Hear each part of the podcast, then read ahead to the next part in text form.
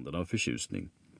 Slutligen böjde han sig åter över plånboken och tog fram den brokiga sedelbunten som försatte honom i sådan förtjusning och började för väl hundrade gången sedan föregående kväll att räkna sedlarna i det han omständligt gnuggade varje sedel mellan tummen och pekfingret.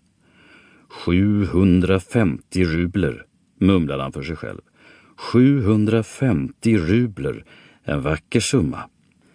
En vacker summa, fortsatte han med en röst som darrade, ja, nästan kvävdes av glädje, medan han samtidigt vägde sedelbunten i handen och smålog menande.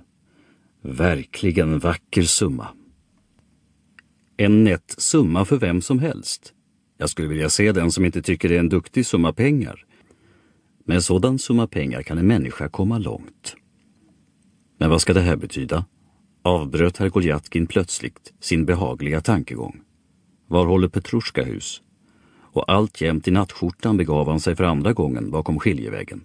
Men Petrushka var fortfarande inte i sin kammare. Endast en tänd samovar stod på golvet.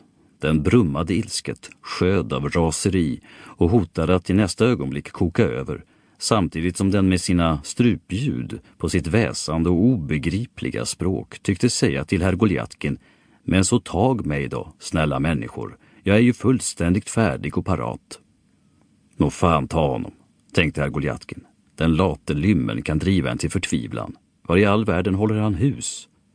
och i sin rättmätiga vrede öppnade han dörren till tamburen, en korridor från vilken en dörr förde ut i förstugan och fick syn på sin betjänt som stod omgiven av en stor skara tjänsteandar och grannar. Petruska berättade något och de andra hörde på. Men både samtalsämnet och tonen misshagade herr Goljatkin i högsta grad. Han ropade ögonblickligen in Petruska och återvände upprörd och på det högsta missnöjd till sitt rum. Den usligen skulle vara i stånd att sälja en människa för mindre än en kopek. Och först och främst sin husbonde, tänkte han för sig själv. Och mig har han nog redan sålt. Jag kan slå vad om att han har sålt mig för mindre än en kopek. Nå, hur är det? frågade han Petruska. Livret har kommit här. Gå och tag på det och kom hit. Petruska gjorde som han blivit befalld och kom sen med ett fånigt leende in i sin husbondes rum han var utstyrd i ett grönt, mycket luggslitet bekänt livré med fransiga guldgaloner som tydligen var gjort åt någon som var minst en aln längre än Petrushka. I handen höll han en likaledes galonförsedd och med gröna fjädrar prydd hatt och vid hans sida hängde en hirschfängare i läderslida. För att fullständiga bilden må nämnas att Petrushka, som hyste utpräglad förkärlek för att ha det bekvämt och som inomhus nästan alltid gick klädd i negligé, också nu var barbent. Herr Goljatkin mönstrade Petrushka från alla sidor och tycktes belåten. Livret hade tydligen hyrts för något högtidligt ändamål Egendomligt var att Petruska under mönstringen, som hans husbonde underkastade honom, med största intresse följde varje hans rörelse, något som i högsta grad generade herr Goljatkin. Nå, och vagnen? Den har också kommit. För hela dagen. Ja, för hela dagen. 25 rubler. Och stövlarna, har de också kommit? Stövlarna har också kommit. Din åsna, kan du inte helt enkelt svara ja, herrn? Ta hit dem.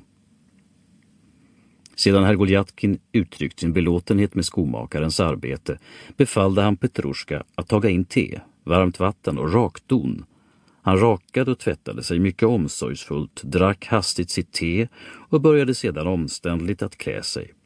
Han drog på ett par nästan splitternya byxor och satte därefter på sig ett skjortbröst med blanka mässingsknappar och en småblommig väst han knöt en brokig sidenhalsduk om halsen och tog slutligen på sig uniformsrocken, som också den var nästan ny och därtill omsorgsfullt borstad. Medan han höll på med sin toalett betraktade han upprepade gånger kärleksfullt sina stövlar, lyfte en den ena, en den andra foten, beundrade skornas fason och mumlade oavbrutet något för sig själv, medan hans livliga minspel, som understundom urartade till en grimas, ackompanjerade hans tankar. För övrigt var herr Goljatkin denna morgon mycket tankspridd så att han inte la märke till att Petrushka, som hjälpte honom med påklädningen, hela tiden flinade åt honom.